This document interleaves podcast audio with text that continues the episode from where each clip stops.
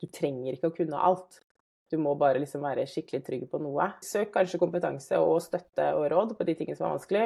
Rendyrk det du er veldig god på, og bare ha troen på det og fortsette med det, så kan det gå bra. Velkommen til en ny episode av Work-Life Balance med Sara.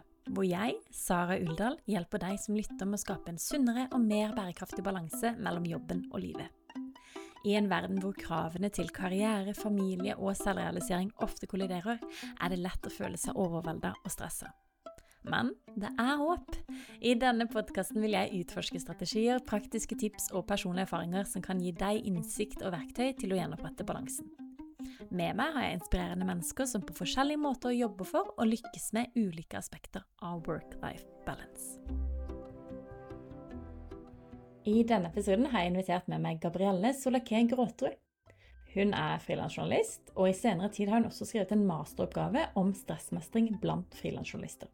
Som for så vidt er et litt snevert fagfelt, men det å jobbe selvstendig og være sin egen sjef er noe veldig mange er i dag. Og ja, for noen kan det være en ganske stressende tilværelse og mye utrygghet, som kan skape en litt for tung motvekt til den friheten som er grunnen til at man startet for seg selv i utgangspunktet.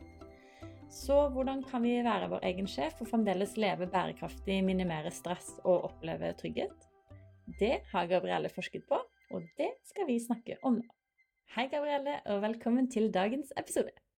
Tusen takk, veldig koselig å være her. Før vi går inn på forskningen din og hva den viste, så tenker jeg at du må fortelle litt om deg selv for de som har eh, sitt første møte med deg i dag. Jeg er journalist, har vært det veldig lenge, nesten i en eh, mann- eller kvinnealder. Um, startet i Radio Nova starten av 2000-tallet. Så tok jeg en journalistutdanning uh, og jobbet i Aftenposten i uh, en ja, fem-seks fem, år. Så jeg søkte sluttpakke, og så har jeg vært mer eller mindre frilanser siden det, da. Og det var i ca. 2010. Um, og jeg skriver for det, for det meste personintervjuer, portretter, for, uh, særlig for Dagbladet Bok, kanskje, men også for andre publikasjoner. Så har jeg tatt en master i organisasjon og ledelse de fem siste årene. Som også har gjort at mm. jeg har skrevet veldig mye mer nå da om karriere og ledelse og stressmestring og selvledelse, sånne ting som jeg syns er spennende. Uh, som masteroppgaven min også handler om. Uh, og så lager jeg litt podkast. Jeg har lagd en podkastserie som kanskje noen har hørt, kanskje ikke. Den heter Min mystiske venninne. Og den ble nominert til Pri Radio i fjor, i 2022. Så jeg syns det er veldig spennende å bli invitert hit, hvor det både er podkast og ledelse, to ting som jeg er veldig glad i. Du, jeg leste i et intervju med deg at uh, det var særlig ett spørsmål du ofte fikk som gjorde at du ville undersøke dette med stress blant frilansere. Kan du fortelle om altså, hva gikk forskningen din ut på, og hvorfor valgte du akkurat dette temaet? Ja, nei, jeg har jo vært frilanser nå hele tiden i syv år. Var det litt sånn til og fra før uh, i, i, mange år, og da fikk jeg det ikke helt sånn til. For det er jo, det er jo ikke til å stikke under stol at det er vanskelig å være frilanser. Uh, særlig hvis du skal selge inn sak etter sak, så er det mye usikkerhet, mye utrygghet. Du føler kanskje at du må selge deg selv veldig mye. Og hele tiden komme med nye ideer. Så, og Sist gang jeg prøvde, så gikk det ikke så veldig bra. Eh, men det, det, som har endret seg nå, har jo for min del vært at jeg har hatt mer sånn faste kontrakter. Eller faste avtaler. Så jeg skriver for to større aktører. Men de kan jo si opp. Ting endrer seg, markedet endrer seg. Eh, så det er utrygt. Eh, samtidig får jeg gjort veldig mye spennende. Så det er jo kanskje det spørsmålet du lurte på. Eh, mange ganger spør meg liksom er det ikke eller det høres veldig spennende ut, det du holder på med. For jeg får møtt masse mennesker og får gjort masse gøy og reist rundt hele verden og får gjort eh, ja, Apropos work-life balance, så får jeg gjort veldig mye av det jeg drømmer om å gjøre, også i arbeidstiden min. Men det er utrygt. Så det er det, det, er det folk spør om hele tiden. Det ikke, og det høres så spennende ut, men jeg tror ikke jeg hadde turt det, for det virker så utrygt. Mm. Og det er jo nettopp det det er. Um, men så kom da pandemien og så kom krigen i Ukraina, og da begynte jeg å kjenne på at ja, det er kanskje veldig utrygt. Jeg har vært frilanser i mange år, trivdes med det, syns det er gøy. Men når verden ble så utrygg rundt meg, så begynte jeg å føle enda mer at oi, her trenger jeg kanskje å finne noen strategier for hvordan jeg kan eh, få en mer trygg eh, frilanshverdag. Og da hadde jeg jo allerede begynt å studere en master. Så fant jeg ut at kanskje, kanskje det er nettopp det jeg skal spørre da disse andre frilanserne om. Um, hvordan de får en følelse av, trygghet i en sånn utrygg og usikker hverdag. Og hvordan de jobber med stress. Og stress og trygghet er jo veldig sånn nært knytta til hverandre. Man kan jo si at man føler seg trygg når man ikke er stressa. Men du kan liksom ikke være stressa og føle deg trygg. Så det er sånn motpoler. Um, så derfor så ønsket jeg å se på hvordan de takla stress. Jeg kartla også hva som stresset dem, men jeg ville også se på liksom mestringsstrategier. Og da hvordan de klarte å føle seg trygge når de egentlig ikke hadde dette trygge nettverket man har i arbeidslivet. Da. Man har ingen av de faste pensjonsrettighetene, forsikringer, sykepengemuligheter. Man står veldig mye alene. Hvordan klarer de da liksom eh, holde ut år etter år? Sikkert en stor utfordring for veldig mange, vil jeg se for meg, av de som ikke har eh, altså som både gründertilværelse, men da også journalister og ja, frilansere. Så da er jeg jo veldig spent på, da, hva, hva, hva ble hovedfunnene dine? Eh, og det fint at du nevnte gründere, for jeg tenker jo også at dette, mye av det jeg har skrevet om, handler om alle som starter for seg sjøl. Også deg eller andre som tør å ta det, skrittet ut. At det er kjempespennende, men det er utrygt. Mm. Og hvordan mm. står man i den balansen?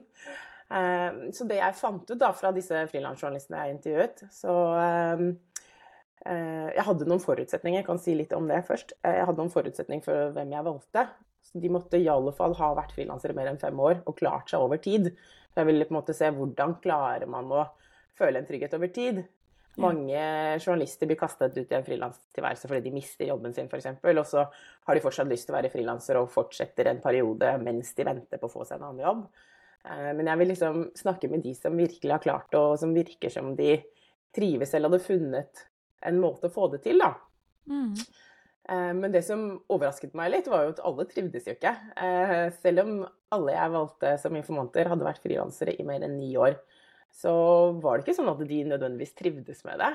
Mm. De sto også i denne spagaten mellom spennende uttrykt, som jeg gjør, som vi alle gjør, kanskje, som driver på denne måten. Mens noen veldig, sånn, var veldig klare på at de ville være frilansere og bare være det, og de syntes den utryggheten Eller de syntes at frihetsfølelsen var viktigere enn utryggheten. Sånn at de klarte virkelig å liksom elske det der litt utforutsigbare.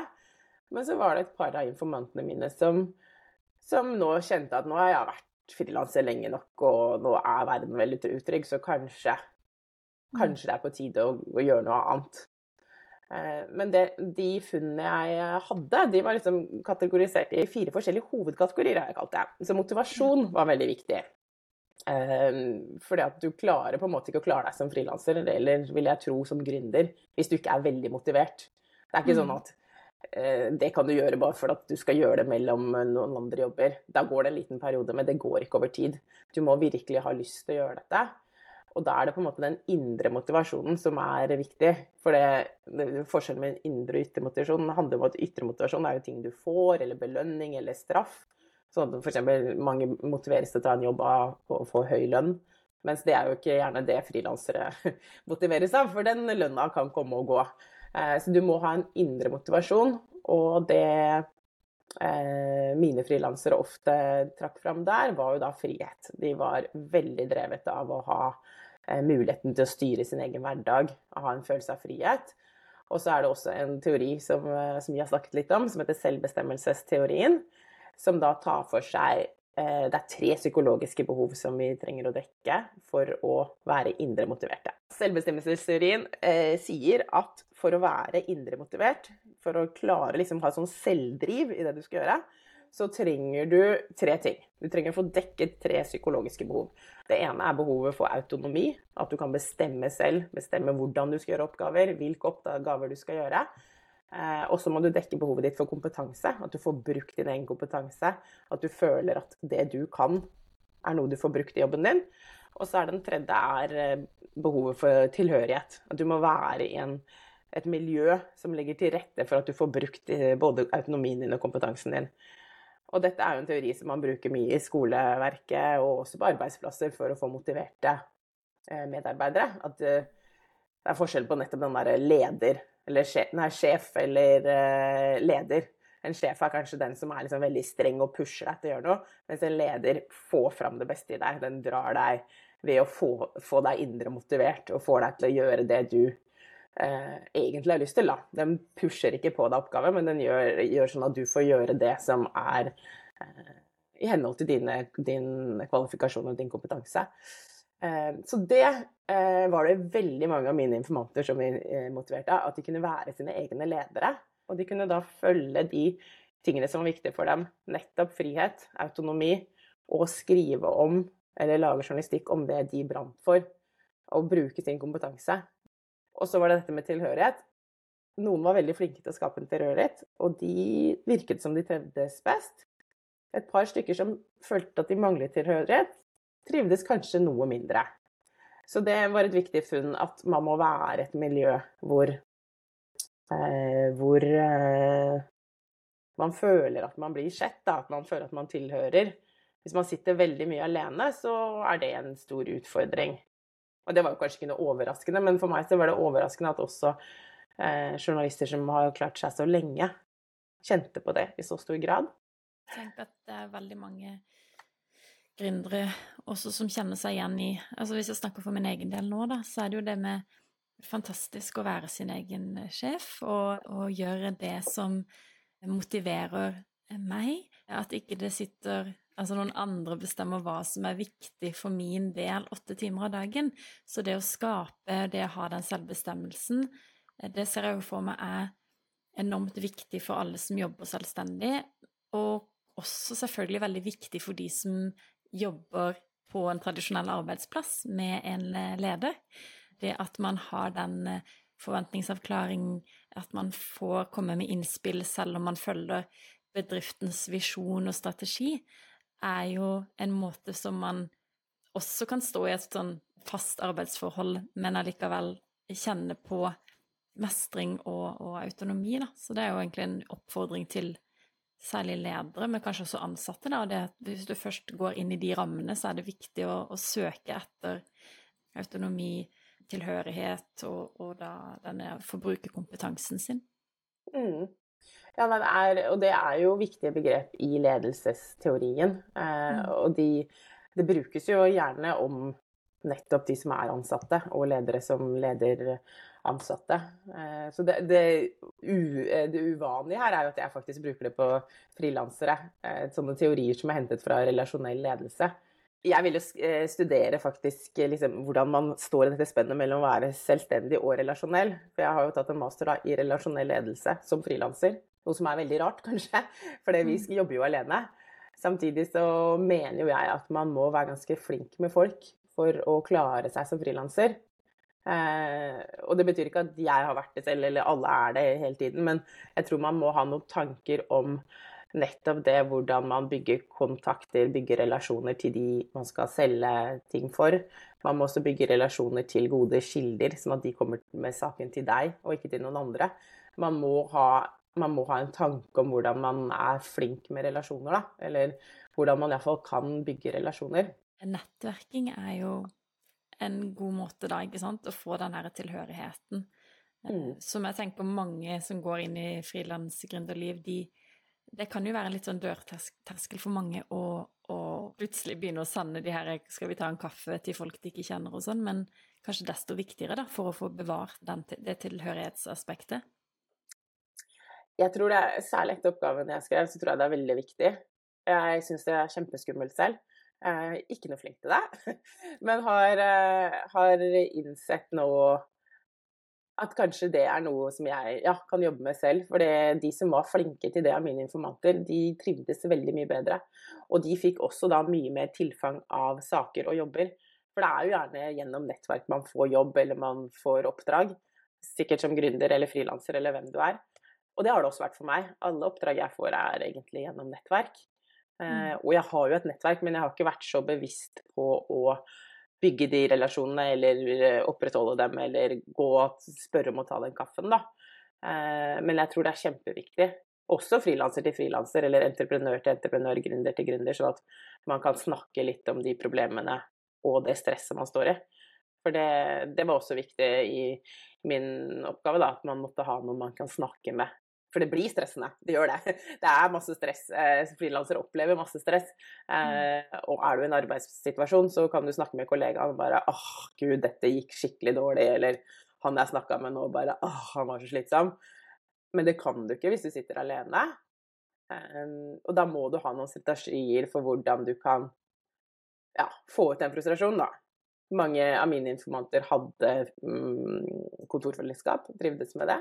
Andre snakket med da kolleger sånn litt mer sporadisk, eller familie. Um, hadde måter å få, det ut, få, få ut frustrasjonen sin på. Men stress blir det. Uh, og det, det er viktig å være et miljø hvor du faktisk kan lufte det litt. Ja, for hva var de vanligste utfordringene som de du snakka med, møtte på? Ikke sant. Der, eh, nå hoppa vi av dette hva var funnet, men det her er jo en av mine synes jeg, litt sånn overraskende funn. For jeg gikk jo inn da og tenkte at nå skal jeg finne ut av liksom sånn minste felles multiplum. Hva er det eh, som stresser frilansere, og hvordan klarer de som klarer seg over tid, å håndtere dette stresset? Liksom, er det det, det, det? Jeg hadde tenkt å finne ut sånne ting. Men det som var litt overraskende, var at jeg satte meg ned med frilanserne, og det var helt forskjellige ting de var stressa over. Og det var ikke de tingene jeg selv ble stressa over, eh, som jeg hadde sett for meg at var stressende. Og alle de seks jeg snakket med, jeg hadde dybdeintervju med seks journalister, de hadde helt forskjellige ting som var det de syntes var mest stressende. Så at noen trakk frem økonomi som veldig stressende. Mens andre tenkte nei, nei, det går kjempebra, det er ikke noe stress. Og så var det noen som tenkte nei, har, det var tidsstyring, det. De hadde altfor mye å gjøre og syntes det var vanskelig å, å, si nei, eller å, at, at, det ble for mye å gjøre. Mens atter andre var liksom, det som stresset dem mest, var for at det var for lite å gjøre. Mm. Um, og så var det noen som, stresset, uh, som ble stressa av deadline. Mens de fleste journalister syns jo egentlig deadline er kjempemotiverende. Mens noen var sånn deadline, åh, det er skikkelig stressende. Så det var liksom Det var veldig forskjellige ting. Og så var det noen som syntes liksom den sosiale biten var nettopp stress. Dette, dette, med ensomhet, da. Det var det jo et par som trakk frem. Mm. Og så var det et annet funn. Det var jo at veldig mange ble stressa av nettopp denne administrasjonsbiten. Den som jeg har kalt selvledelsesbiten i min oppgave. Um, det at man på en måte i tillegg til å skrive saker og lage journalistikk, også må faktisk være sin egen sjef. Og administrere og gjøre skatt og gjøre fakturering og passe på timebruk og ja, passe på at dagen din er som en arbeidsdag. Sånn som en HR-avdeling ville gjort i en bedrift. De som syntes det var vanskelig, de syntes også det var vanskelig å være frilanser. Eh, I mitt utvalg, da, må jeg si, for jeg vet jo ikke om det gjelder alle. Men, det, men så var det atter andre som bare Nei, selv, nei det, er jo, det, er jo, det som er gøy. Det er jo det jeg syns er kjempegøy. Jeg kan lage planer, og jeg kan lage struktur. Jeg liker å drive med personlig utvikling. Det er faktisk det som er plusset med å være frilanser, at jeg kan jobbe med meg selv i tillegg til at jeg jobber med journalistikk. Mm. Så, det var, så jeg satt sånn i starten og bare Dette her Jeg har ikke noe å skrive, for det ble, det, altså, alt er så forskjellig. Og jeg måtte ta inn en ekstra informant, for jeg sa til veilederen at det er ingenting som ingen, Det er ingen mønster. Alt er forskjellig. Og så ble på en måte det et veldig viktig funn, at det var så forskjellig. Um, og men som jo på en måte ble mitt hovedfunn i oppgaven, var at vi satt og snakket om, vi satt og snakket om alt dette som stresset frilanserne, da. Og de journalistene jeg snakket med, var veldig ærlige. De snakket om masse som var vanskelig, og folk trakk frem utbrenthet, folk trakk frem ensomhet, eh, ting som er litt sånn vanskelig. Eh, og det var egentlig Jeg tror de syntes det var fint å snakke om det, for det er ikke så ofte vi frilansere kanskje snakker om det. Men så plutselig trakk jeg frem ja, men hva med f.eks. økonomi? Nei, nei, det Nei, men det klarer jeg. Altså var det sånn på, Eller var det da med ensomhet? Nei, men det, jeg er kjempeglad eh, glad i nettverking, så det går kjempefint. Nei, det syns jeg ikke er noe vanskelig. Eller så var det noen som trakk frem innsalg til eh, Flere trakk frem innsalg til eh, medier, at de syntes det var stressende. Å få nei, f.eks. Avslag. Så andre bare Nei, nei, avslag Nei, det går fint. Jeg sier jo nei til så mange, så jeg må jo takle avslag tilbake. Nei, jeg, jeg vet at andre klarer det, men akkurat der klarer jeg det. Nei, det vet jeg at jeg klarer. Så, nei, så det går jo bra. Nei, det går egentlig ganske bra. Og da var det sånn Hver gang det der skjedde, så var det sånn Det slo meg etter hvert sånn Da hadde vi egentlig snakket om alt som var vanskelig, og så kom jeg til én sånn kanskje felles liksom, stressord for frilansere. Og da snudde det. Det akkurat som samtalen snudde. Og da begynte de å snakke om alt det positive. Nei, men jeg klarer jo det. Og når jeg klarer det, så klarer jeg det. Ja, men da klarer jeg det. Nei da, men det går jo egentlig ganske bra. Jeg trives jo egentlig. Nei, nå har jeg snakket mye om det som var vanskelig, men egentlig går det jo kjempebra. Så var det akkurat som at den ene som jeg kalte tryggende mestringstro For mestringstro er jo et viktig begrep i min oppgave. Det handler om at du tror at du mestrer noe spesifikt. Eh, når de kom til da den ene tryggende mestringstroen, så var det akkurat som vi kom til sånn grunnfjell, og fra der av så gikk det bare rett opp, og da var de kjempefornøyd. Så det var veldig spennende. Si litt mer om dette med mestringstro. Ja, Det er jo et begrep som er hentet fra en psykolog som heter eh, Albert Bandura, som er veldig brukt. Eh, veldig brukt i ledelsesteorien og også skoleteorien, da, få elever til å mestre. Som handler om at ja, eh, man har da eh, troen på at man klarer en spesifikk oppgave. Det skiller seg for selvtillit. Jeg ser at mange sier at selvtillit og mestringstro er litt av det samme, men som jeg forstår det iallfall, så eh, selvtillit er liksom man tenker mer sånn generelt at denne personen er full av selvtillit mest, og klarer alt. Mens mestringstro handler om at du kan du kan tro at du er flink til å skrive uten at du har selvtillit på å selge deg selv. Altså du kan, du kan F.eks. i norskfaget da, så kan du tro ja, du kan være flink til å skrive en sak, men du syns det er flaut å lese i norsktimen. Du kan synes at norsktimen er vanskelig. Ehm, du kan synes at sport er vanskelig, men være veldig flink i akkurat basketball. Eh, altså du har mestringsro på sånne spesifikke oppgaver. Og det eh, var veldig sånn klart i min oppgave, for da snakket jo mange om at det, veldig mye var vanskelig. og Man kan jo tenke sånn Har du selvtillit på frilansingen? Og da var det kanskje noen som ville ha sagt nei og syntes at veldig mye var krevende. Men så kom det plutselig til den ene tingen, den ene delen i frilansingen. Der hadde de kjempetro på at ja, men akkurat det, det klarer jeg. Og når jeg klarer det, så klarer jeg jo det. Og da klarer jeg det, og da klarer jeg det. Så det jeg skrev i min oppgave, var at det, hvis man liksom ser frilansing som en sånn konstruksjon, da, med liksom noen bærebjelker og, øh, og en grunnmur, så, så, trenger man liksom ikke å tro at man kan alle de tingene i den konstruksjonen. Man må ikke liksom kunne alle sider eller alle ting, men hvis du har noen sånne bjærebjelker, så klarer du å holde konstruksjonen oppe. Ifølge mine funn, da. Eh, for det var flere som var sånn Nei, det er vanskelig, det er vanskelig. Men ja, akkurat den, ja. Ja, men der og da går det bra. Jeg har jo klart det bra. Det går jo egentlig ganske bra. Mm. Så det er egentlig den mestringstroen som holder hele frilansprosjektet flytende? Var det det inntrykket du fikk? At det, ja. hvis, ikke, hvis, ikke, man har den igjen, eller kanskje nok av den også, da Kanskje ja. hvis du har Jeg regner med du må ha mer enn én av ti ting du føler du mestrer for å fortsette, men la oss si du har 50-50, da. 50 med ting som stresser deg og lager ubalanse, og så 50 med, med mestringstro? Enda lavere tall, altså to av seks, tror jeg mm. faktisk. Så kan man klare det. Men ja. jo flere deler av det du skal gjøre du har tro på, jo bedre er det jo.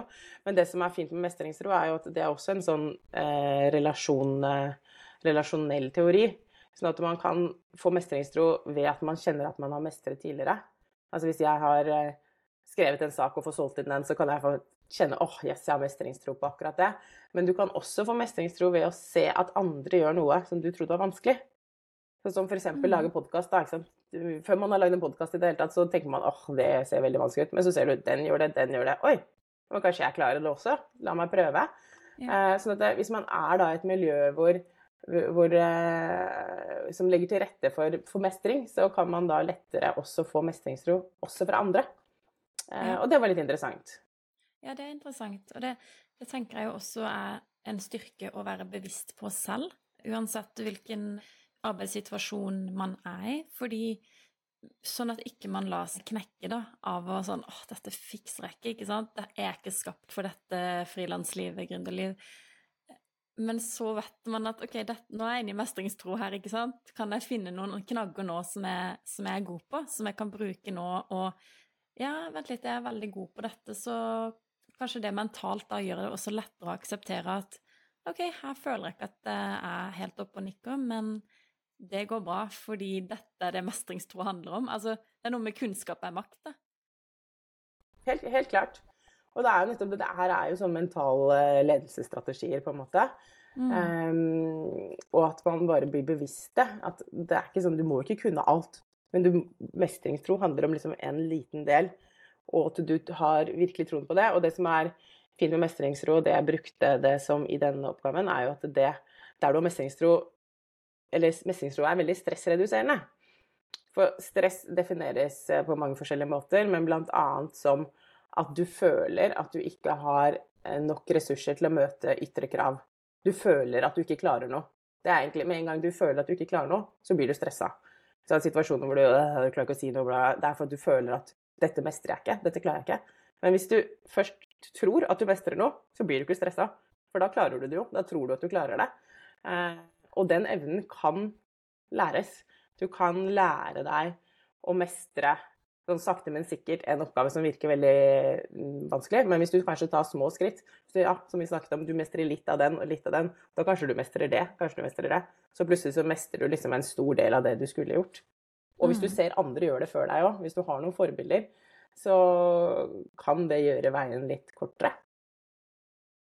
Mm. Tenker det er også et viktig element å ta med seg inn hvis man ønsker f.eks. å ha en litt sånn coachende lederstil. Da. Det at man er god med de ansatte i forhold til det å fokusere på deres mestring, og oppfordre de selv til å fokusere på sin mestring. Og også da være bevisst på den herre når man møter eh, på motstand, da. Hva, hva kan man gå til? Jo, du kan gå til enn å se til en kollega eller påpeke at du, du har jo han, han, har jo han jobber med dette nå, ta en prat med han, ikke sant? Eller også da Ja, men det, du har jo gjort nesten akkurat dette før, jeg, du har mestra det. Ja, at det er noe å flette inn for en leder også, da, ha det med fokuset der. Ja, det er jo hentet, som sagt, mest fra egentlig ledelses, relasjonell ledelsesteori. Så, mm. så, det er jo heldigvis noe mange, eller noen ledere nå begynner å tenke på. Jeg føler ikke at jeg nødvendigvis har møtt så mange ledere som har vært gode på de tingene jeg har snakket om, eller skrevet om. Eh, og derfor så var veldig mye av det nytt for meg. Men heldigvis så er det jo mer og mer bevissthet i ledelsesfaget nettopp på det relasjonelle og hvordan man kan ja, være coachende leder og få fram det beste i de ansatte. Ja. Ikke bare være sjef. Nemlig. Og når man ser de positive effektene av å justere litt og møte mer i lederstilen, så vil jo det også gi mer motivasjon til å ha mer av det sånn generelt i bedriften. Frilansere de jobber jo ofte med deadlines og ja, prosjekter, kortere prosjekter. Og var det noen av de som nevnte hvordan det påvirka stressnivået? Nei, det, det, var jo også igjen en sånn ting som jeg syns var litt overraskende. For jeg er selv veldig deadline-person. Jeg må ha en deadline, ellers så gjør jeg ingenting. Altså, jeg kan eh, Eller gjør ingenting, det er jo ikke sant. Men jeg er mye mer effektiv da, opp mot deadline. Så det for meg er liksom veldig Gir meg veldig motivasjon. Og der, hadde, der var det flere var ca. halvparten, eller nei, mer, kanskje fire av seks. Det var deadline-personer. Jeg tror mange journalister er det. altså Vi er vant til å liksom prestere når vi må. Men for meg, overraskende, da, så tror jeg det var to stykker som hat, eller skal ikke si hatet, men ikke likte deadline. Som bare skydde deadline og måtte gjøre alt for å gi seg selv tid. Og ikke ha dette stresset opp mot deadline. Så, så der var de forskjellige. Men veldig mange var jo da, som har klart seg over tid, gode på struktur dette er at man ikke skulle ha for mye oppgaver samtidig. For det, det var noe som stresset mange. og det var også litt overraskende, for man hører mye i mediene og mye av samtalen rundt frilansing er at det er så vanskelig, og det virker som det er vanskelig å få oppgaver, og at du hele tiden må selge deg inn og sånn. Disse som har klart seg lenge, de har mye å gjøre. Eh, så det er heller et problem enn å for lite. Selv om det var noen som sa det også. Men de fleste hadde mye å gjøre, og da var det på en måte å ha struktur og klare å si nei til oppgaver hvis det ble for mange. Og også da liksom, lage seg planer og strukturere, sånn at man ikke satt med kjempehøye skuldre opp mot deadline, og særlig ikke to deadliner samtidig. Så vet jeg at det var en av informantene som hadde som, som tanke om at vi ikke skulle ha mer enn åtte prosjekter samtidig. Og da var det prosjekter også i privatlivet. Sånn at eh, apropos work-life balance, at at hun også kalkulerte inn prosjekter på privaten, for det også tar, liksom, tar tid og hjernekapasitet. Så aldri mer enn åtte prosjekter, og da om det da var oppussing eller fest som skulle planlegges og sånne ting, så kunne hun ikke være mer enn åtte. Jeg syns jo egentlig åtte høres ganske mye ut. Eh, jeg tror egentlig ikke jeg jeg har ikke noe sånn bevissthet i det. Jeg er ikke så god på struktur selv. Det var kanskje noe derfor jeg ville studere andre, fordi jeg skjønte at jeg må Skal jeg fortsette sånn her, så må jeg kanskje få, meg, få litt inspirasjon. Jeg så, men jeg har nok mer sånn magefølelse. Jeg har nok aldri mer enn sånn tre-fire prosjekter gående. Og hvis det f.eks. er en barnebursdag i tillegg, en uke med liksom tre barnebursdager, da syns jeg det er vanskelig å jobbe fulltidsjobb. Eh, sånn at eh, er det mer enn tre-fire prosjekter, så tror jeg det er mye for meg. Ja. Men jeg vet ikke helt hvordan de mente dette. Men eh, ja, de hadde gjerne sånn gode tanker om hvordan, hvordan de skulle strukturere hverdagen sin. Ja, for, for, er det noen verktøy eller metoder eller vaner som, som enten de trakk fram, eller som du har erfart Eller nå sa du at du kanskje ikke var så strukturert, men som, som, kan hjelpe frilansere eller gründere da i dette med å organisere hverdagene sine og, og skape en bedre struktur? Ja, altså jeg Nei, jeg er jo faktisk ikke sånn Jeg er ikke sånn veldig listeperson. Jeg har jo noen lister, men jeg er mer sånn som går på magefølelsen. Og det var vel en annen som også hadde, at hun, hun sa sånn Nei, selvledelsen min den sitter i ryggraden. Det trenger jeg ikke å tenke over engang. Jeg bare kjenner at nei, nå er det for mye. Da sier jeg nei. Nå må jeg gjøre det. Altså, sånn. Og jeg er vel litt mer sånn at jeg er litt sånn magefølelsesstyrt. Jeg kjenner at nå er det nok, nå trenger ikke jeg å ta på meg noe mer. Hvis noen ringer og så er det en oppgave som høres litt tidkrevende ut, eller sånn, så tenker jeg bare Så kjenner jeg litt etter om det føles riktig. Sånn at jeg og så har jeg Jeg skriver hovedsakelig for to, to, aktører, og det veksler litt. Så det vet jeg sånn cirka hvor lang tid det er, og så kan jeg ta på meg én ting til kanskje innimellom. Så det er mye mer sånn magefølelsesstyrt. Andre hadde som sagt da lister og planer, og alle var også veldig flinke til å liksom ta seg sånn noen sa liksom buffer med tid, sånn at det la inn sånn ekstra tid etter noe for at liksom man kunne ha liksom en nededag da, etter en stor oppgave. De var liksom flinke til å tenke Eller noen, de som likte selvledelse, var gjerne liksom flinke på å tenke rundt hvordan de strukturerte arbeidsdagen. Og det virket som det hjalp dem veldig. Mens andre syntes akkurat det der var vanskelig. Det var vanskelig å si nei, at det var vanskelig å ta seg tid hvis man kunne tjene mer penger eller sånne ting. Men alle hadde, hvis de ble stressa, så hadde de alle sånne fysiske strategier. Noen jogga, noen løp, noen gikk, noen tok et bad i sjøen. Noen mediterte. Eh, så alle hadde noen sånne fysiske ting, strategier før, før hvis de ble stressa. Selv om det var helt forskjellig. Jeg tror det nesten ikke var to som sa det samme svaret. Men absolutt alle hadde det. Og så hadde de også noen tanke for hvem de kunne snakke med eller ringe til, sånn at de liksom fikk utløp for, for, for stress. Ja. ja. Så det å ha noen å spare med. Ja. Jeg vet ikke helt om jeg svarte på spørsmålet, men Men det var jo egentlig det med Altså, er det noe du har lært Ja, er det noe du har lært egentlig fra når du nå har gjort denne forskningen, og siden du er da frilanser selv, er det noe du har tatt med derfra inn for å bedre din egen work-life balance, da? Har du høstet fra andres gode og dårlige erfaringer? Ja, det, det har jeg jo. Og et av de funnene i oppgaven min var jo også at de var veldig få som hadde forbilder. Og det er jo noe det jeg ville vise at, at det går faktisk an å klare seg som frilanser. Det er ikke lett nødvendigvis, men det er fint at vi snakker om det. Vi må ha noen forbilder. For det, ingen i, min, i, mitt utvalg hadde det, og jeg har heller ikke hatt det selv. Det har vært veldig mye prøving og feiling. Og det kan jo være tungt når man ikke vet hvordan man skal gjøre ting. Apropos IT-problemer, det er ingen som nevnte, men det er jo en av mine stressorder. Sånn plutselig funker ikke IT-systemet. Hvem ringer du når du ikke har en IT-avdeling? Mm. Eh, hvordan gjør du sånne ting?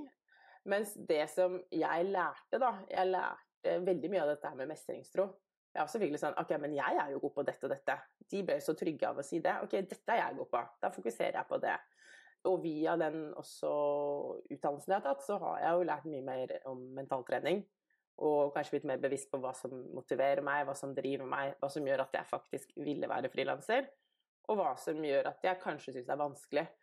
Og jeg tror bare det å få liksom bevissthet rundt hva som er noen SWOT-analyse, styrker og svakheter og utfordringer og hva man skal gjøre for å nå dem, er jo kjempeviktig.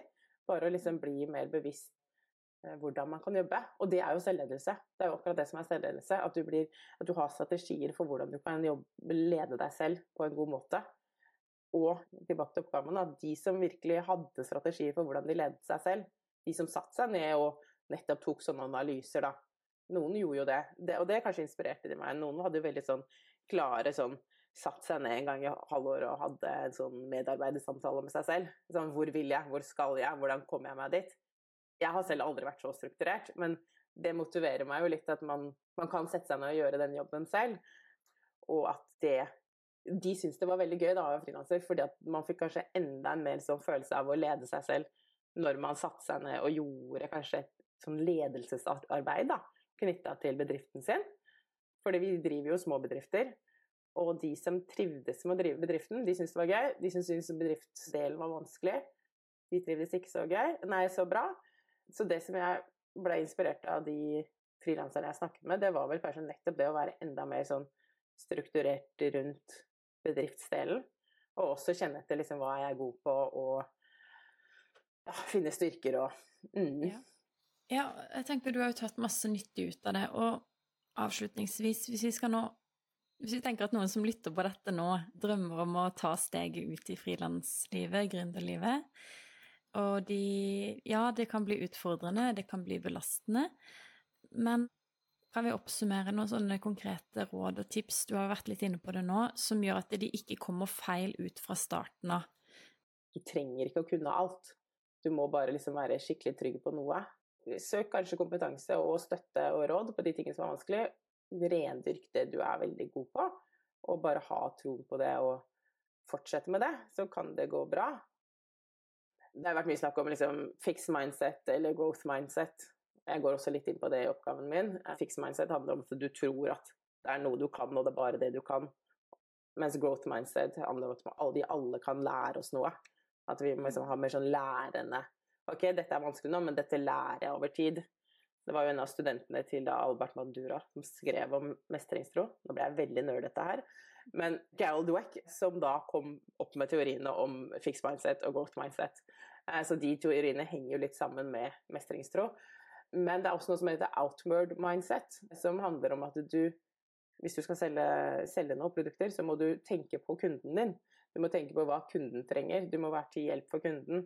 Du må ikke bare liksom nå, nå skal jeg gjøre dette på min beste måte, men du må tenke på hva er det, hva er det den jeg skal selge til, egentlig trenger. Og har du god indre motivasjon og mestringstro på at du klarer noe, så kan du klare det. Tror jeg, da. Mm. Enig. Tusen takk for at du var gjest i dagens episode, Gabrielle, og delte av din forskning på hvordan frilanslivet kan bli mer bærekraftig for de som lever det. Supert. Tusen takk for at jeg fikk komme. Gjennom samtalen med Gabrielle lærte jeg at indre motivasjon og mestringstro er kjempeviktig for å klare seg på egne ben.